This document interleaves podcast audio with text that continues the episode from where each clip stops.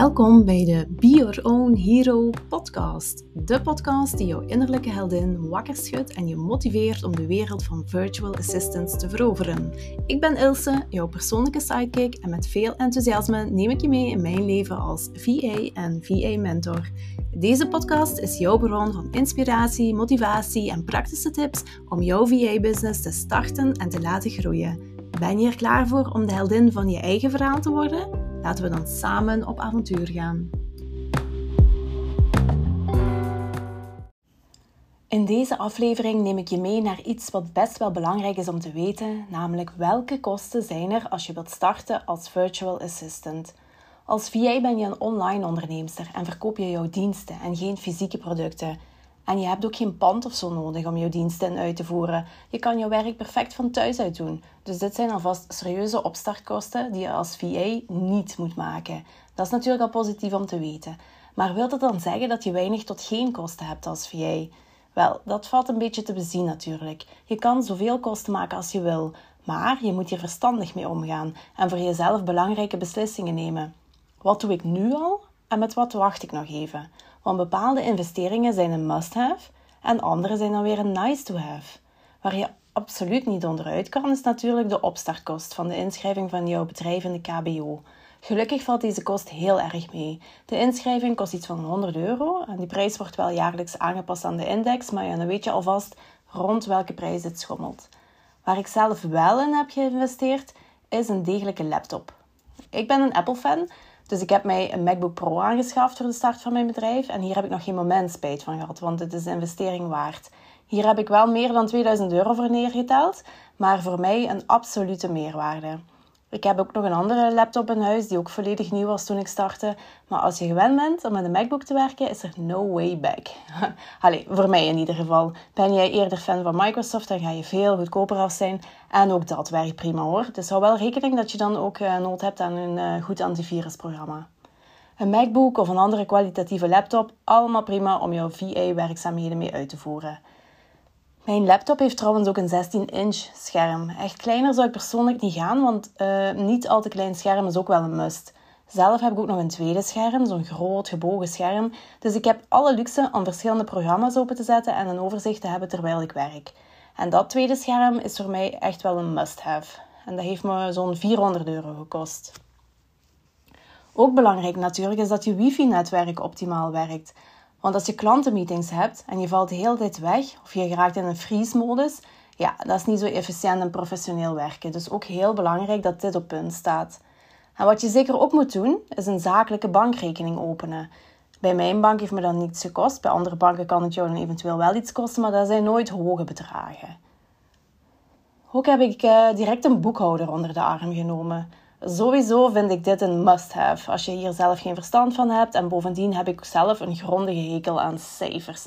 I know, ze zijn belangrijk. Ik zie ze ook heel graag binnenkomen. Maar ik laat de rest door een expert afhandelen. Want dit is te belangrijk om zelf een poging te doen als je niet over de juiste expertise bezit. De kosten van een boekhouder die zijn zo verschillend en die hangen van zoveel zaken af, waardoor ik hier geen bedrag op ga plakken, want dat zou alleen maar misleidend zijn. Uh, ik werk met factuursturen.be voor het opmaken van mijn facturen. Dat is een zeer eenvoudige boekhoudsoftware die je bij je opstart zelfs gratis kan gebruiken tot drie documenten per maand. Nadien betaal je 50 cent per document, dus dat is alvast niet veel. En je kan er ook QR-codes mee genereren, dus super handig voor je klanten om betalingen te doen. En je, uh, je kan dit ook koppelen aan uh, ToggleTrack, het tijdsregistratiesysteem. Ik vind uh, factuurstuur een geweldig systeem, maar er zijn er zoveel. Dus zoek iets wat jij het gemakkelijkst werken vindt en bekijk of de kost ervan aanvaardbaar is voor hetgeen jij het nodig hebt. Behalve factuursturen werk ik ook nog uh, met betaalpagina's op mijn website. En dat loopt via Kennisshop, gekoppeld aan Stripe. Als early bird heb ik voor een lifetime licentie bij Kennisshop slechts 299 euro betaald. Ondertussen is zijn prijs natuurlijk gestegen, maar ze zijn nog altijd wel stukken goedkoper dan Plug and Pay. Wat zeker niet mag ontbreken zijn juridische documenten. Deze zijn absoluut een must-have, maar dan ook echt. Hè. Dus start geen samenwerking zonder een samenwerkingscontract en algemene voorwaarden. Echt, hè. doe dat niet. Als VA is een contract met je klant heel erg belangrijk, aangezien dit juridisch beter bindend is dan enkel algemene voorwaarden.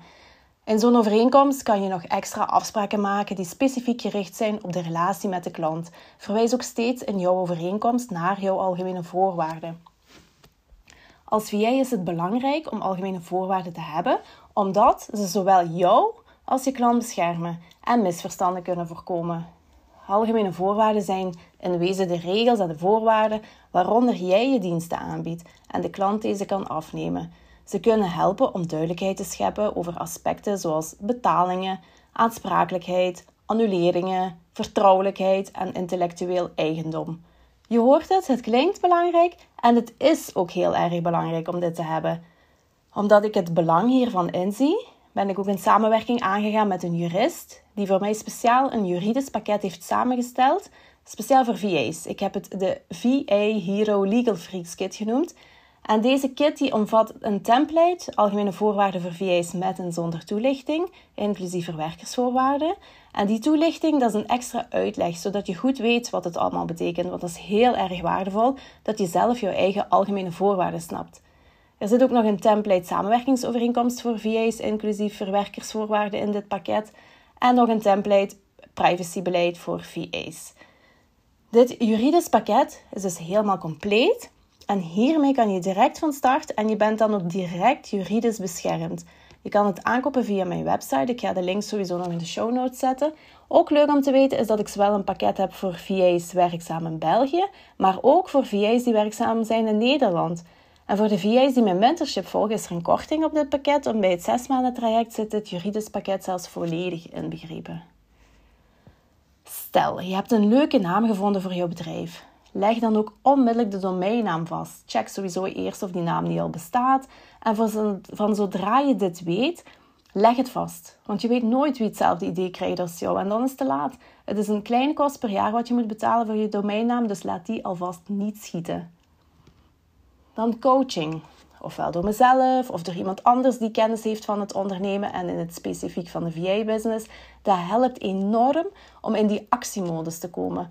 Als ook de accountability die bij coaching hoort. Dat is ook een ontzettende meerwaarde. Mijn mentorship trajecten bijvoorbeeld, die zijn super waardevol. Nu, dat vind ik zelf, maar die mening wordt gelukkig bevestigd door mijn mentees. En de reden waarom ze waardevol zijn, is omdat er zoveel mega veel informatie in terug te vinden is. Ik heb namelijk super veel info. Echt alles wat je als opstartende VA moet weten, dat heb ik in een Trello-bord gezet. Een tijdje geleden zei een van mijn mentees die mijn Trello-bord voor de eerste keer zag...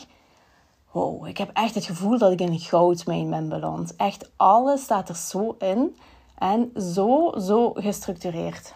Ja, daar word ik natuurlijk heel erg gelukkig van. Bovendien zijn mijn trajecten enorm persoonsgericht. Ik hou van de menselijke factor en mijn één op één coachings die zijn volledig gericht op de persoon die voor mijn scherm zit. Geen one size fits all. Je kan wel denken, ik doe het wel allemaal even zelf, maar geloof me, dat kost je veel meer tijd. Ik heb vrouwen in mijn mentorship die, voor, die het eerst zelf wilden doen en die hadden nadien gewoon spijt dat ze niet eerder in mijn traject waren gestapt. Zelf ga ik trouwens ook een business coach onder de arm nemen, want ik voel dat ik ter plaatse aan het trappelen ben dus tijd voor serieuze investeringen en groei.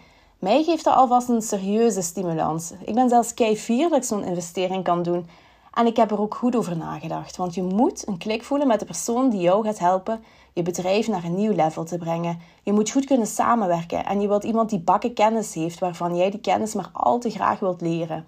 Ik heb zo'n persoon gevonden en dat is Anne Siebens. Ik heb Anne al een keer ontmoet op een netwerkwandeling van Andrea, van Ondernemen met Andrea. En ook heeft Anne uh, me een keer uitgenodigd voor een interview in haar podcast. Ik ben trouwens een enorme fan van Anne haar podcasts. De connectie met Anne is uh, beetje per beetje beginnen groeien en uiteindelijk leidt dit dan tot een samenwerking. Dat is toch geweldig hoe dat in zijn werk gaat. Hè? Ik heb ze dus zeker niet random gekozen, want dat is iets wat ik niet vind dat je moet doen. Als je een serieuze investering gaat doen, moet je die bewust doen en een goed gevoel erbij hebben. Dus hetzelfde geldt voor de vrouwen die in mijn 1 op 1 mentorship traject stappen. Zij moeten ook bij mij een goed gevoel hebben. En ook ik moet die klik voelen om te kunnen samenwerken met iemand. Stuur me trouwens gerust een berichtje om een call af te spreken om te zien of die klik er tussen ons is. Nu, wat bij mij een twijfelgeval is tussen een must-have en een nice-to-have, zijn professionele foto's. Ik had ze niet onmiddellijk. Ik denk pas na een jaar en dan zelfs maar 10 foto's. Wel gemaakt door Julie Bravenboer trouwens, topfotograaf. Toch is het geweldig als je met professionele foto's aan de slag kan. Het maakt het zoveel eenvoudiger om bijvoorbeeld je social media content te maken.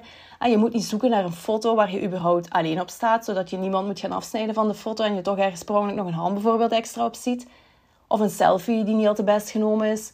Alhoewel ik nog selfies durf te gebruiken. Maar dat is ook omdat in mijn business ik heel erg gewoon mezelf toon zoals ik ben. Met een klein filterje erop dan wel, maar eh, bijna zoals ik ben. En dat werkt perfect voor mijn bedrijf. Maar dat neemt niet weg dat professionele foto's een zaligheid zijn om mee te werken.